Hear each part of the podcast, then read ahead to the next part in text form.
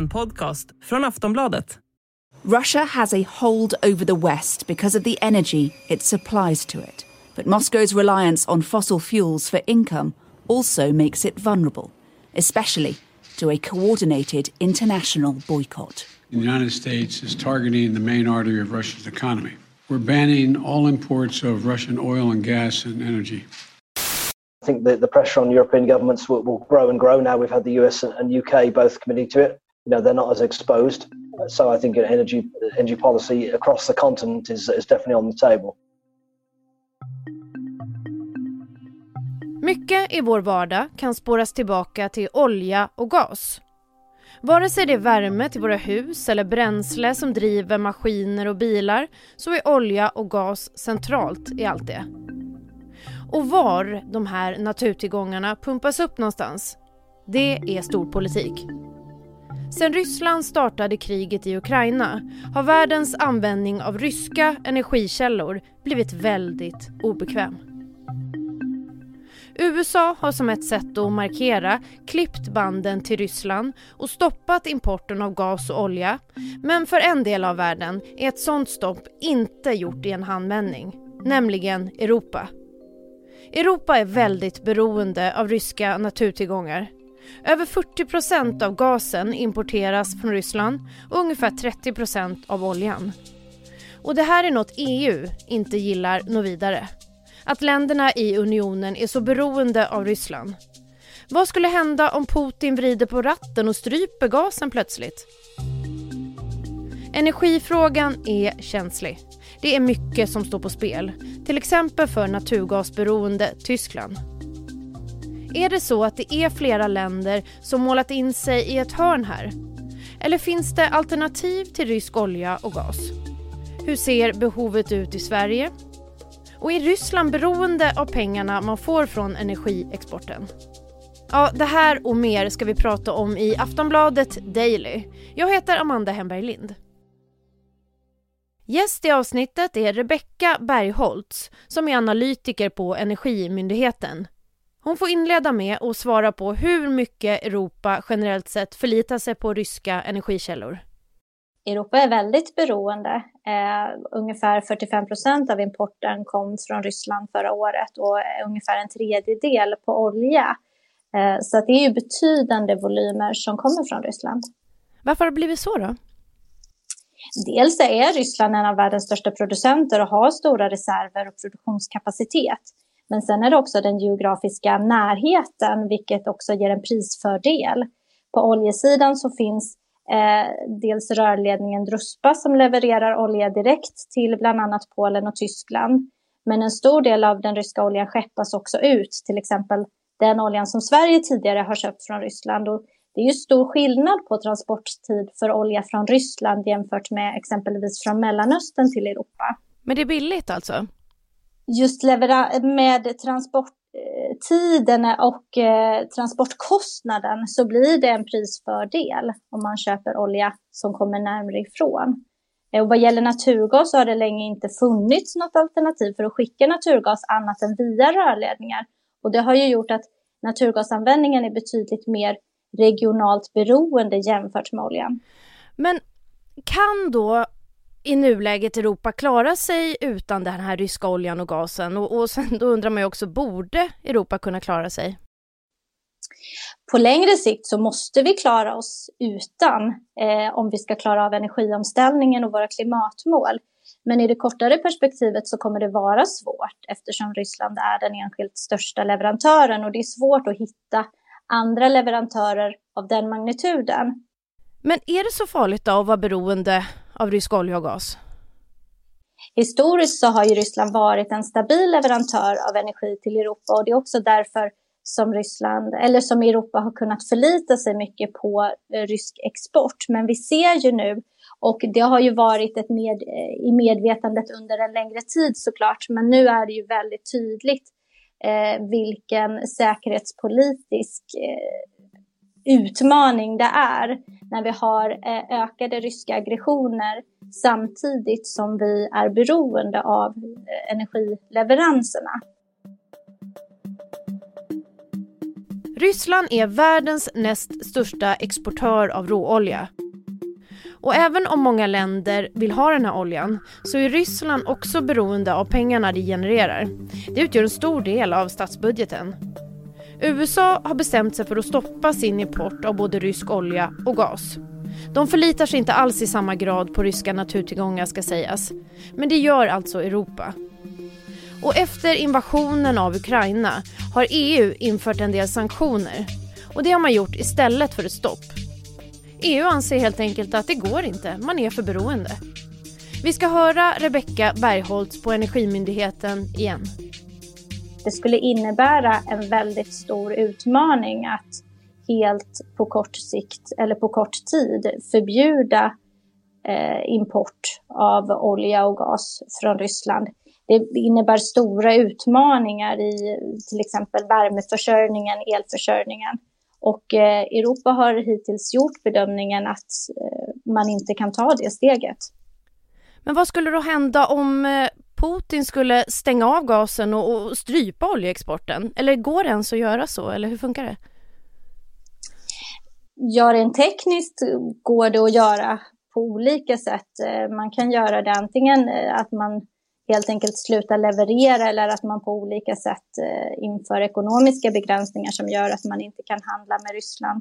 Eller att Putin skulle välja att sluta leverera gas och olja. Och för oss i Europa skulle det ju såklart betyda ett, ett stort bortfall av energi och det skulle öka risken för att vi får en bristsituation i Europa.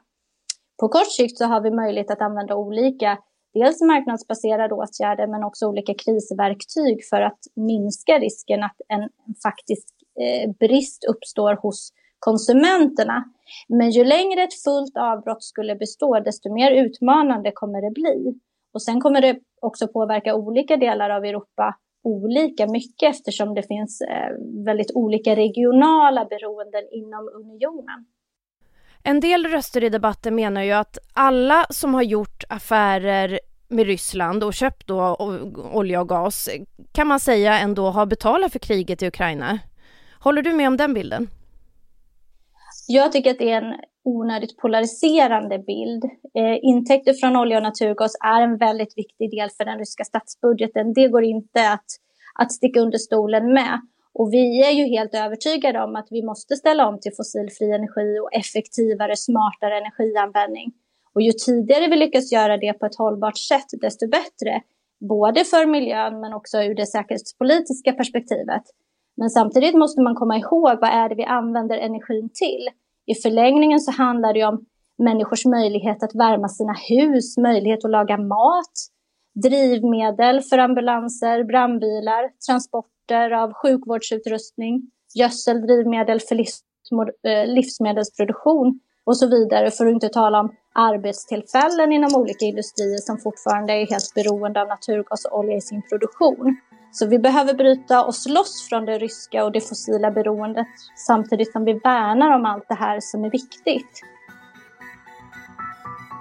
I takt med att energikällor som kol fasas ut så har istället naturgas sett som ett bättre alternativ av fossil energi. Inte perfekt, men ändå bättre i sammanhanget. En jättekonsument gällande just naturgasen är Tyskland. Frågan är om stormakten Tysklands gasberoende påverkat hur landet agerat nu mot Ryssland.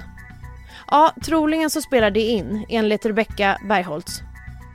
Tyskland balanserar ju nu eh, krav från EU och kanske krav från sin egen befolkning också och eh, en önskan att vara solidariska med Ukraina samtidigt som man har ett stort direkt importberoende till Ryssland.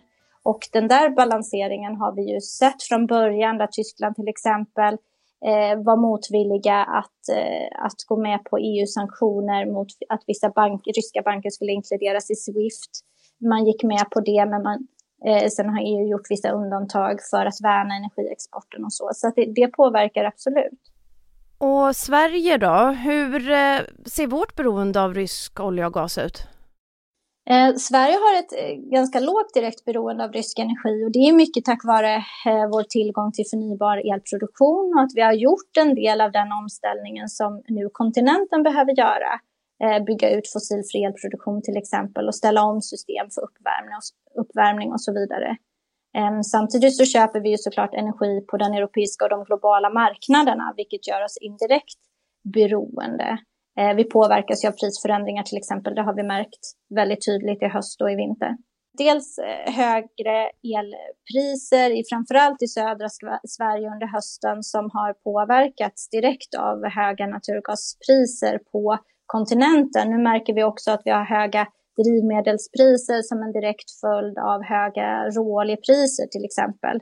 Eh, så prismässigt så påverkas ju även slutkunder i Sverige.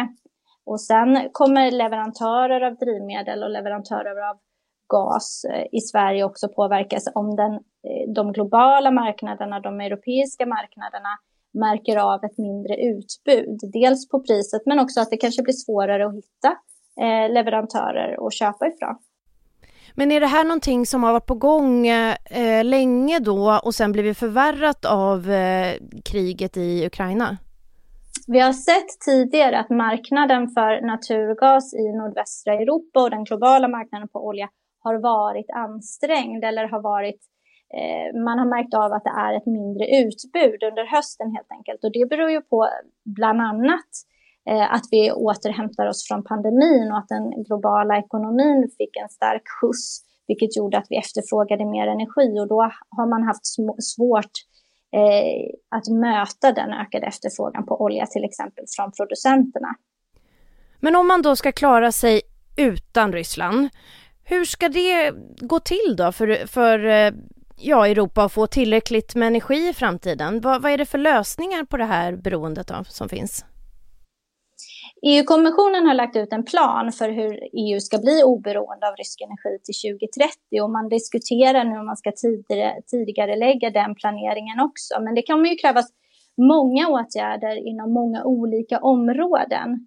En viktig del är till exempel att man vill öka den inhemska produktionen av biogas och grön vätgas. Andra åtgärder är att installera värmepumpar, att renovera och uppgradera bostäder och byggnader. Eh, sen är ju en ökad elektrifiering en viktig del och den måste ju ske inom många sektorer och då måste det ju såklart ske en kraftig utbyggnad av fossilfri elproduktion och utökad överföringskapacitet också. Vad tror du då om tiden framåt nu? Vad kan hända i den här frågan och, och vad är det man ska hålla ögonen på?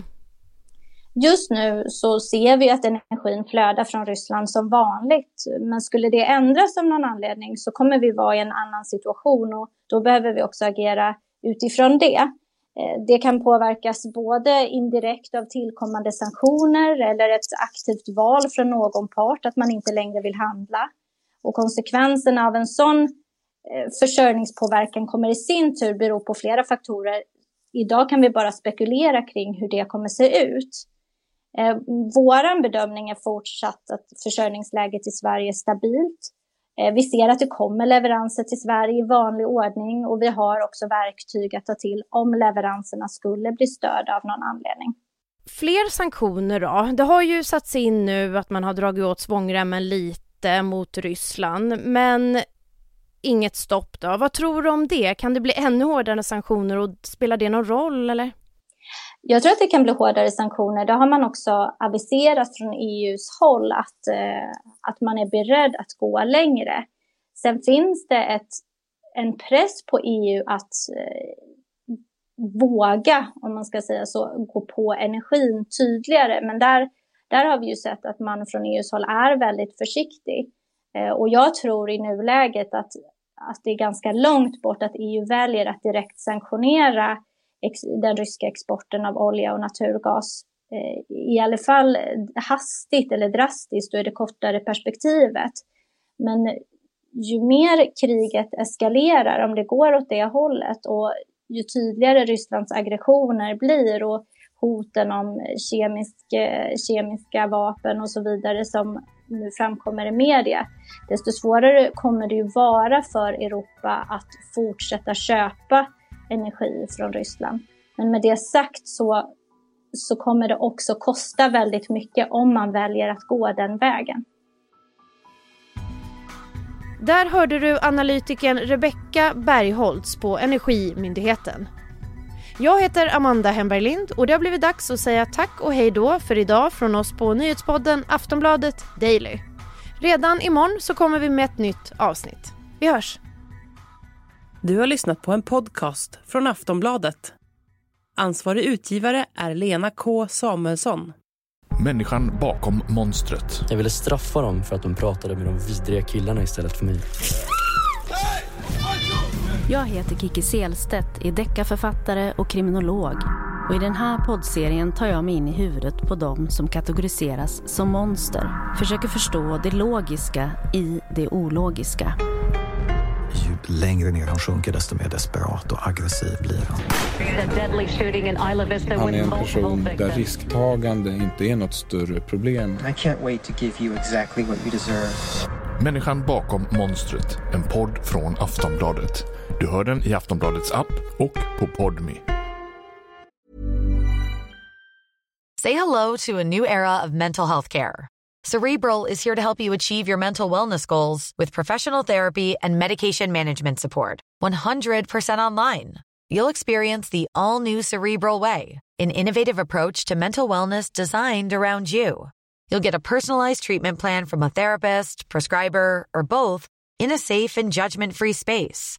Your cerebral therapist or prescriber will outline a customized plan with clear milestones along the way so you can get to feeling your best. With Cerebral, you're not alone in your mental health journey. We're here to empower you to live a fulfilling life. So take that first step towards a brighter future and sign up today at cerebral.com slash podcast and use code ACasts to get 15% off your first month. Offer only valid on monthly plans. Other exclusions may apply. Offer ends July 31st, 2024. See site for details.